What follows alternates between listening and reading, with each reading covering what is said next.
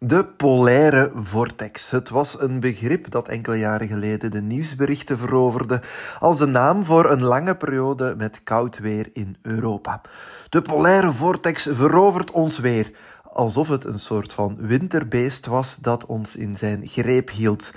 Het begrip begon eigenlijk een eigen leven te leiden, maar in feite is de associatie met het koude weer ja, toch wel wat met de haren getrokken. Wel, in deze podcast gaan we het daarover hebben. Om te beginnen is de polaire vortex er altijd. Het gaat dus niet om een fenomeen dat enkel opduikt in de winter. Het is een vortex, een soort van wervel dus, of een lage luchtdrukgebied dat zich op ongeveer 30 kilometer hoogte boven de Noordpool bevindt.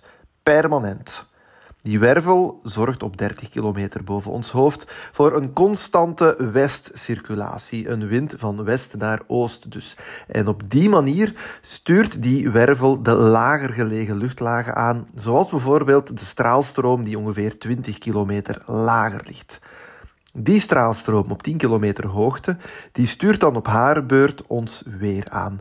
Dus wat er op 30 kilometer hoogte gebeurt, dat bepaalt wat er op 10 kilometer hoogte gebeurt en dat bepaalt dan wat er bij ons op de grond gebeurt. Krijgen we lage druk of hoge druk, krijgen we wind, wolken en regen of net rustig en zonnig weer.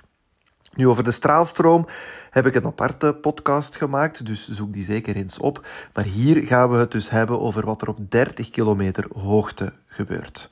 Dus die polaire vortex of die poolwervel, die doet de lucht hoog boven de Noordpool rondjes draaien en houdt op die manier zeer koude lucht gevangen boven de Noordpool.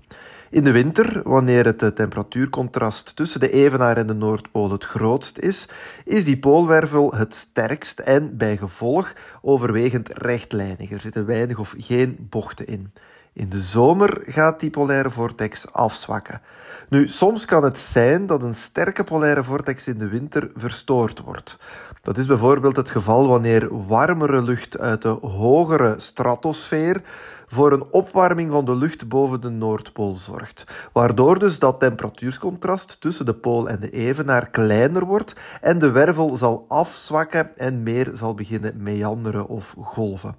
Ook een El Niño-evenement bijvoorbeeld kan dat temperatuurcontrast kleiner maken en zorgt dus voor een zwakkere poolwervel in de winter. Over die El Niño bestaat trouwens ook een aparte podcast, ga die zeker eens beluisteren. Nu, wanneer die polaire vortex afzwakt, zal ook de onderliggende straalstroom afzwakken en ook beginnen golven. Er komen dan grote bochten in die straalstroom. Wel, een zwakke zwabberende poolwervel, die zorgt dus voor een zwakke, zwabberende straalstroom. En dat heeft invloed op ons weer. Wanneer wij in de noordelijke glijbaan zitten van de straalstroom, dan krijgen wij koude polaire of zelfs ijskoude arctische lucht over ons heen. En dat soms dagenlang.